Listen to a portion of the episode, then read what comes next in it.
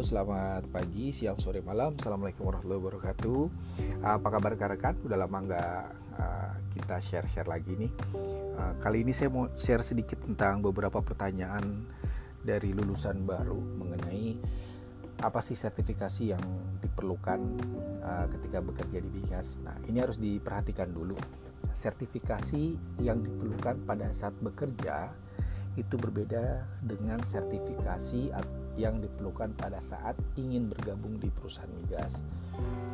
Kalau di migas karena memang luas banget, jadi nggak semuanya uh, memerlukan sertifikasi sebenarnya. Jadi teman-teman harus tahu dulu nih yang dimaksud ketika kita join di industri migas teman-teman pengen join di site-nya apakah di supportnya apakah di office-nya di office atau di di base di base juga kerjanya kan macam-macam ya uh, supporting nanti ada yang uh, ngurusin uh, gudang ada yang ngurusin akomodasi ada yang mengurusi misalnya uh, per equipment pertulan ada yang misalnya mengurusi lagi uh, facility nah itu beda-beda Nah, setiap posisi itu belum tentu perlu sertifikasi khusus mengenai pekerjaannya. Jadi, teman-teman sebelumnya harus paham dulu pada saat teman-teman ingin bergabung di uh, industri migas, posisi apa dulu yang ingin teman-teman uh, masukin.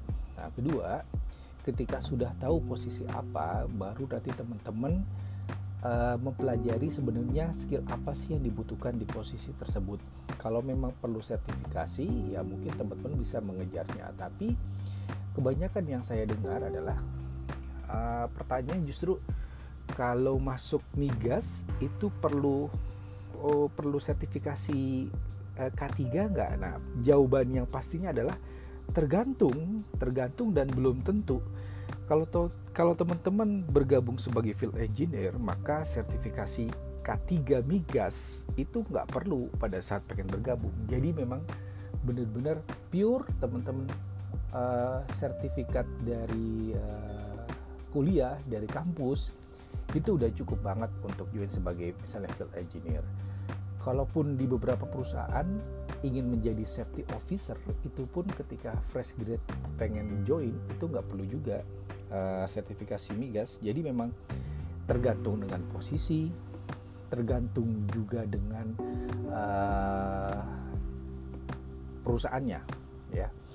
Kalau di perusahaan beberapa perusahaan yang saya kenal misalnya untuk join untuk safety officers itu sendiri ya benar-benar pure. Jadi nggak perlu khawatir juga rekan-rekan uh, mengenai tuntutan sertifikasi K3 itu. Karena memang nggak semuanya perlu dan teman-teman juga nggak harus juga mengambil sertifikasi K3 migas. Karena apa?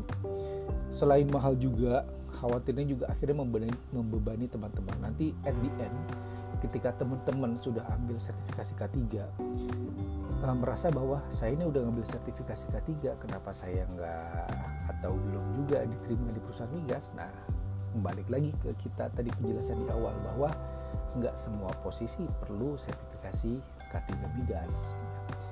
Memang akan dilihat adalah lebih ke profilnya teman-teman. Mulai dari yang screening standar ya screening standar mungkin secara akademis mulai dari IPK kemudian nanti lanjut lagi kemudian uh, kemampuan aptitude test uh, kemampuan aptitude kemudian nanti lihat di profil psikologi uh, rekan-rekan. Profilnya cocok nggak gitu kan bukan masalah IPK yang tinggi bukan masalah teman-teman pernah ikut kejuaraan misalnya sains olimpiade apa bukan masalah teman-teman pernah ikut organisasi itu bagus semua. Tapi it doesn't mean that you can join uh, migas industri uh, semudah itu.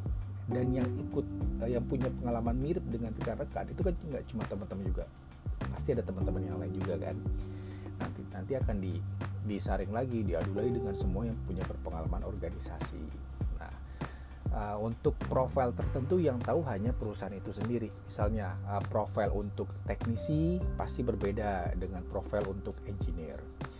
Pasti berbeda juga nanti uh, dengan profil yang misalnya yang uh, handling uh, base atau facility facility yang ada di base. Itu pasti beda profil profilnya requirement juga yang beda kalau teman-teman misalnya profilnya seorang engineer kalau ditaruh sebagai teknisi mungkin belum cocok. Sebaliknya juga sama. Jadi ketika teman-teman belum bisa uh, belum diterima di perusahaan migas, ya teman-teman nggak perlu berkecil hati.